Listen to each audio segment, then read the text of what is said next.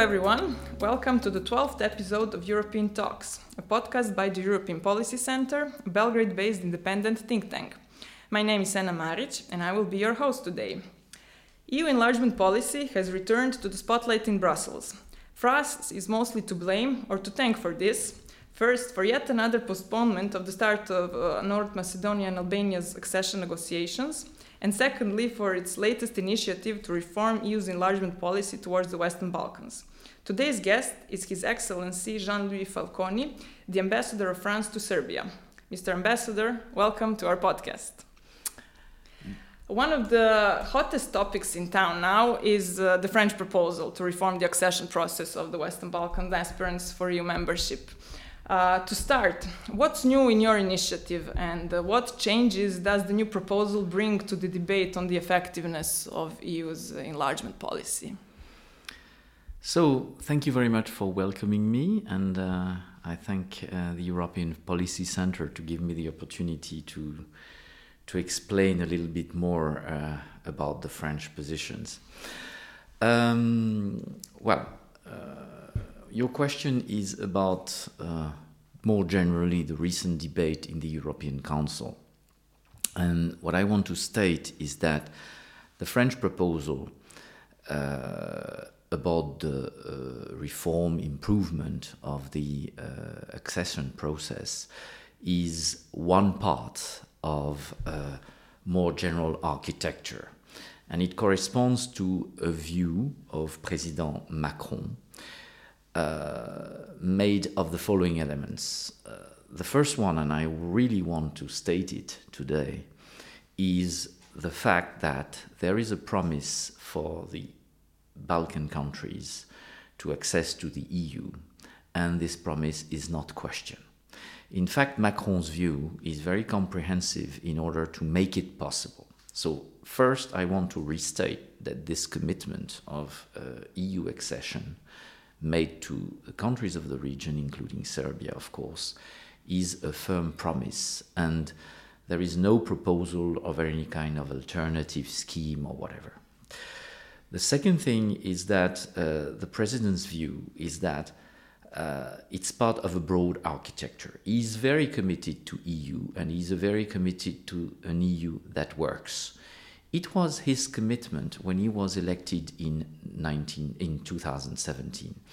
And you know that for the French people there were alternative choices during these elections and President Macron very firmly restated its European uh, promise, commitment, and he was elected on this basis. So, I mean, there is a lot of things that can be questioned, but certainly not his commitment to EU and to an EU that functions. And uh, his view is that the EU has to be made more effective, which means an ongoing reform of the EU of different policies. I can come back to it defense policies, competition policy, trade policy, social policy, and is presently committed to that. So, this is an ongoing process. This is the second part of the architecture. And this part is also very important for the countries of the region, including Serbia, because uh, I very often hear the fact that the reform is for the EU country, but not for here. And precisely the way to put together uh, countries of the Balkan that fit into the EU is to have them both together. So it means that the reform we are conducting nowadays, and French is pushing very firmly in the EU, is also a reform for the EU for the Balkan countries when they get into the EU. So you are not alien to these uh, to, to, to these reforms. I mean, they are important uh, for you also because this is the state of EU, EU what EU will look like when you get into the EU. So, I mean, this is an important part also. The third part of uh, his uh, policy is, of course, to state that the countries of the region, if they want to go into the EU, have to make very strong and courageous reforms in all fields, of course, economic fields, but also more qualitatively, uh, as we know, rule of law, justice, uh, um, the climate for business, uh, reform in the administration, and so on. And then comes a fourth aspect, which is the fact that the EU uh, accession process has to be improved. Um, I think there are uh, the newest thing of uh, the French proposal to this regard is the fact that it brings uh, a new look to the EU accession process. So, and you may have read the paper that was distributed in Brussels uh, and here in the countries, in the accessing country.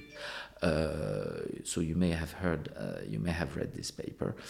Um, but what's very important uh, in the paper is that uh, it brings um, some new elements to make the process less technocratic. So I'm not saying that all the ideas in the paper mm-hmm. are uh, per se haven't been mentioned before or have even been tried before, but sometimes even with the best will, when you transform a process, I mean, when you transform a, a, a mechanism into a process, you end to lose the spirit of this. And I think what's best in this paper is that it brings back a, a spirit of mutual commitment towards EU enlargement or accession uh, process. So it's uh, the newest thing is certainly to make the process more tangible uh, for the uh, accessing countries, which means that they could see and get more benefits from their efforts before they effectively join the EU. It can mean participation to policies, participation to forums, discussions among the 28 or 27 with the 28 or 27 in Brussels without voting, but being members of the club before effectively uh, having the accession treaty into force. That's one aspect, mm-hmm. uh, which is perhaps the, the, the, most important one.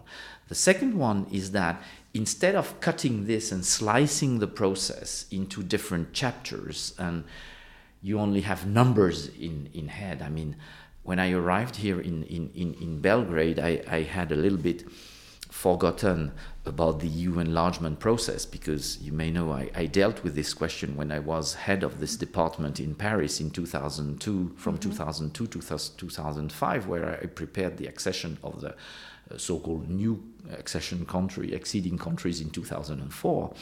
And I had lost a, little bit track of that. But you hear about chapter 23, chapter 23, 24, and so on. And you don't even know what it's about. so, I mean, one of the elements is to uh, bring back the process into seven steps where you would gradually uh, have some threshold, making every accessing country closer step after step to final integration. So I'm sorry to be a bit too long, but I think the new process is uh, so, so I mean, uh, the president's proposal is one part of an architecture mm-hmm. that I explained, and all the parts of the architecture uh, go together. Uh, you mentioned this seven step uh, approach, which has caused quite mixed reactions in the expert community. Some would say that uh, placing uh, more veto possibilities to the member states in the current uh, state of play, where unanimous decisions need to be brought in each segment of the accession process, would make the Balkan um, accession to the EU uh, completely impossible. What would you say to them? I would say to that that on the contrary, I think it makes the, the, the process simpler. Because can't you say that this so called, if there is such a veto right, exists nowadays uh, 35 times because you have 35 chapters and uh, each time with the opening and with the closing. So instead of 35, you have a block of seven, which is uh, uh, something which is more comprehensive, something which bring blocks together. So uh, it's not slicing the acquis into 35, but it's bringing blocks which mean something in reality, that you've crossed a step. And uh, well, I would say that uh, it brings fewer decision in a way rather this, than too, too many. Mm-hmm. But then again, this um, uh, slicing, as you said, and uh, bringing unanimous decisions are also linked to the principle of reversibility that you mentioned Yes. and more stricter conditionality. So, um, would then uh, France, in a long term perspective, support the introduction of quality majority vote in uh, the enlargement policy issues for during the accession process for the sake of making it more efficient and effective? Because, in again, together when we put together all the pieces of the proposal it seems that there are again many many opportunities for the member states to block the process as they could do it nowadays Well, first of all, I would say that there are not more opportunities uh, than uh, there are now. so uh, that's one point. The second thing is that when you mention the question of having something different than unanimity, I think there are two aspects to that. There is one aspect which is that of, and of course, I know the process may sound heavy, but there is the fact that when you want to become member of the club, you have to members of the you have to have the members of the club. You have to want to get into it, and you have to have the members of the club agreeing.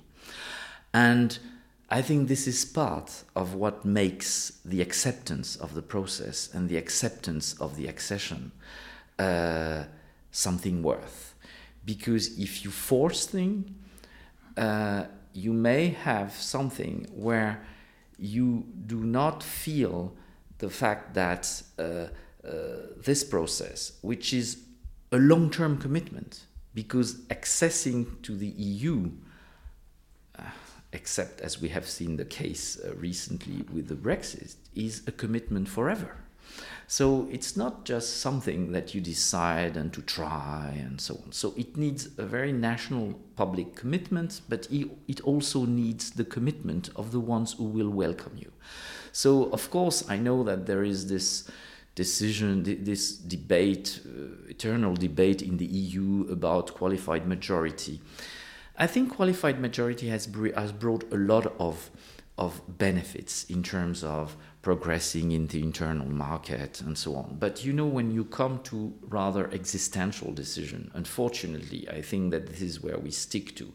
And you know, I have even seen cases in the EU where you have qualified majority legally applying in some aspects, in some policies, but because it's such an existential question, you have the European Council seized, which means that you bring into a political forum with consensus a decision that could normally have been taken with qualified majority in order to have everyone on board.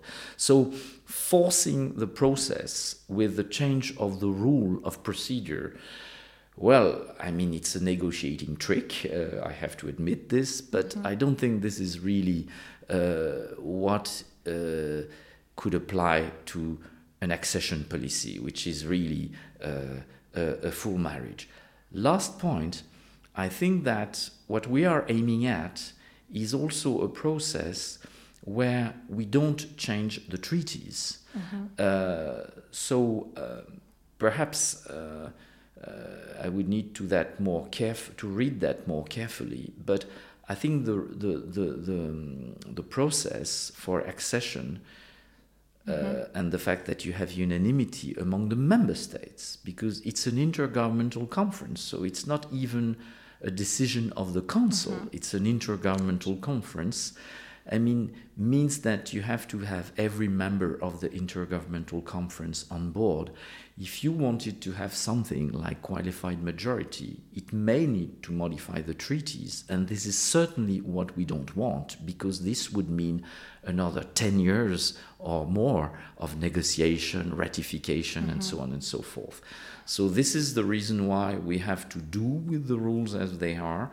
We have no intention to modify the constitutional texts because it would be very long. It would be, uh, and this is not what we need.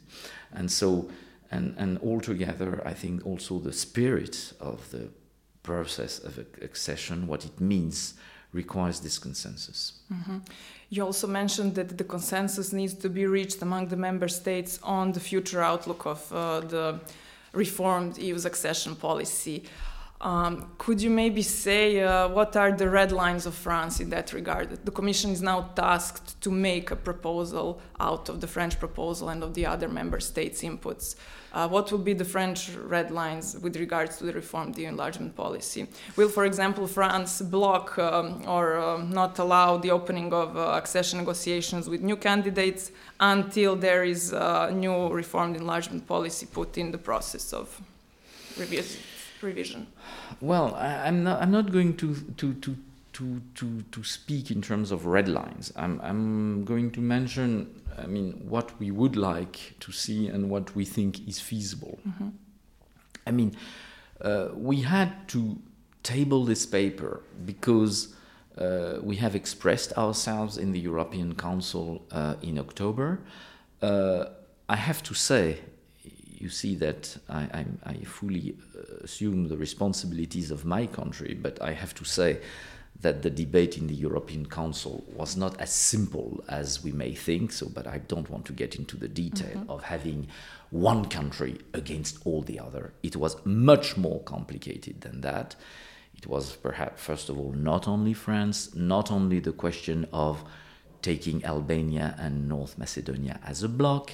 So, I mean, there were a lot of uh, dividing points in the European Council. But uh, as we say in French, uh, on prête riches, and it's only France that was uh, pinpointed after this European Council. So, uh, after such uh,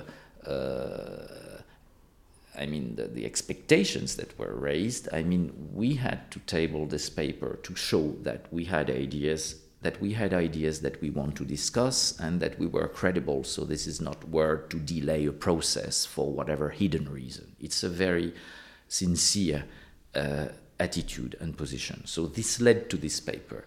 The reality is that what we need first is to have a new commission on board, and it will start on the 1st of December. And then, of course, the process is that we have to discuss with the new Commission. And I've seen in his uh, audition in the European Parliament that the new Commissioner was willing to work on the basis, on the basis of several proposals that were made in terms of reform. So we have to work with the Commission and the Commissioner to see how they can work with our proposals, what they can propose to the member states, then discuss with the member states and have uh, an updated procedure, I would say, on track. And of mm-hmm. course, our aim would be that this procedure is on track before the European Council in May 2020. So I'm not going to talk about red lines. I think everything mm-hmm. is discussable. I mean, everything that's in paper can be discussed. Mm-hmm. Uh, it's not a French paper that is the basis of, a of an EU decision. We know that from the reading of the treaties. But uh, um, uh, our paper is a contribution. We mm-hmm. and we think that with the goodwill on of everyone, everything can be done and implemented by May 2020. That sounds very encouraging. Um, well, history so far has shown that the main propeller for European integration, for the ever closer union, was uh, Franco German cooperation, let's say, or initiative to reform or to, to move forward with the EU. Uh, would you say that this will also be the case with the EU enlargement policy to the Western Balkans, that there needs to be a Franco German consensus on how to move things forward? Well, I mean, they need to be there needs to be unanimity, so there necessarily needs to be Franco-German uh, consensus at some stage, and uh, it's difficult for me to speak on behalf of Germany. But you're right that, uh, and I very often experience that there is, on the one hand, a kind of fear of German French proposal into the EU because the other members seem to be a bit trapped by this. Mm-hmm. And on the other hand, when there is no such proposal, there is a kind of vacuum, and everyone expects that this is going to come. So, this is a kind of paradoxical attitude towards this German French uh, uh, agreement.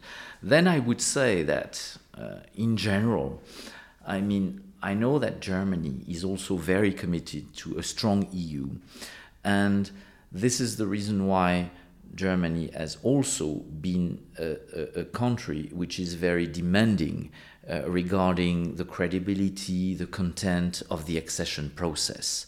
And I know that uh, the, the, the, the, German government is under very strict scrutiny from the uh, Bundestag. And uh, uh, the reality is that on some occasions, and I'm mentioning also the case of North Macedonia and Albania, uh, Germany has not been in a position to open negotiations with these two countries. It turns out that they have done an internal process, and on this basis, I think they had the clearance from the European, uh, from the Bundestag to agree to the opening of the negotiations with these two countries. This was not the case of France. So let's say that in this moment in time, mm-hmm. on the 19th of October 2019, we were not exactly on the same ground. But in general, I think the French uh, uh, demands towards uh, uh, the credibility of the accession process, the stringence of the effort, uh, is a shared uh, wish with Germany. So um, we are going to discuss this, and we are discussing this uh, proposals with Germany. I'm not saying that Germany is agreeing to that. I'm saying mm-hmm. that, of course, we will have to discuss this document and we have to discuss this document first and foremost with Germany, but we need to do that with all the member states and with the Balkan countries themselves. So I hope that we can very quickly, because we have a lot of formats of negotiations with Germany, we have mm-hmm. summits. Uh, very often, the ministers' meeting, and so on. And so I think, I hope that, let's say, uh, in December, when the Commission enters into force, we can continue the discussion with Germany to see how together we can work uh, on the ideas contained in this paper. Mm-hmm. Uh, you said that your proposal is uh, a work in process and that it's uh, also open to suggestions. We were very happy and enthusiastic to see that many of the ideas coming from the expert community and from the think tanks were somehow uh, integrated in a way into the French proposal. Uh, do you have um, any um, plans to continue consulting the expert community and wider stakeholders in the Western Balkans as well when it comes to the future of EU enlargement policy? Well, you know, I I um, I I, uh, I think we need to have input from everyone. I even heard ideas of having grouped input for the Western Balkans country together mm. on the process. And I say, if it could be possible, which means being united, mm. The six of the countries of the region on some proposals on that paper, I think we would welcome that very, very, uh, really very much. So, uh, but even if we don't reach that, I think we are open to discussion. I have to say that, uh, well, of course, as the official negotiator for Serbia, I had discussion with the Minister of Integration, of European Integration here, Mrs. Joksimovic. I had discussion with President Vucic, and I was very interested, and I reported their remarks uh, because some of them, and I, I think of Mrs. Joksimovic, telling me how the accession process of uh, uh, Serbia and Montenegro was already very demanding, was already very special, contained already elements of rewarding at some stage of the process that we have in mind for the reform process. Uh, that I think it's worthwhile hearing that to see if and how uh, Serbia or the ones who already opened access, uh, the negotiation can fit in that process. So of course, the starting point is to say that a method has been agreed with us and you don't change the method while the process is running. And I think this is a very uh, valid argument. I listen to that. I think our paper is first and foremost directed to the countries who have not yet opened the negotiations of accession. This is very right. But uh, in our view, as we see it more as a benefit, uh, as, as a, beneficial process for the accessing country, we have in mind that it would even be in the interest of the ones already into accession negotiations, like Serbia and Montenegro, to benefit of the process. But of course, so we don't exclude that it could be possible. But of course, and I listened to their remark, and it was that also of President Vucic, that you must take into account the efforts that have already been done, which means that you must not just start from zero, like if nothing had happened throughout all the years since the opening of the negotiations. And I think this is a very valid element. And uh, so, this is why uh, I think this aspect of does it apply and how it applies to Serbia uh, needs to be discussed in, in the process. And when you tell me about uh, about uh, how we can have these discussions, so it can be in in Western with Western Balkan countries as a group, it can be individually, it can be with myself with the authorities, it can be myself with the think tank, uh, it can be also, and we had our Minister of, Foreign, of European Affairs, mm-hmm. Mrs. Amélie de Montchalin, who just two days after the General Affairs Council uh, in uh, uh, Brussels, where this paper was discussed for the first time, convened the ambassador of the, the ambassadors of the Western Balkan countries in our office in Paris to discuss that, mm-hmm. and. Uh, they put forward some arguments. Mrs. Montchalin listened to that, and this is also uh, another track of discussion. So we are open really to dialogue. Mr. Ambassador, thank you very much for this conversation. Thank you.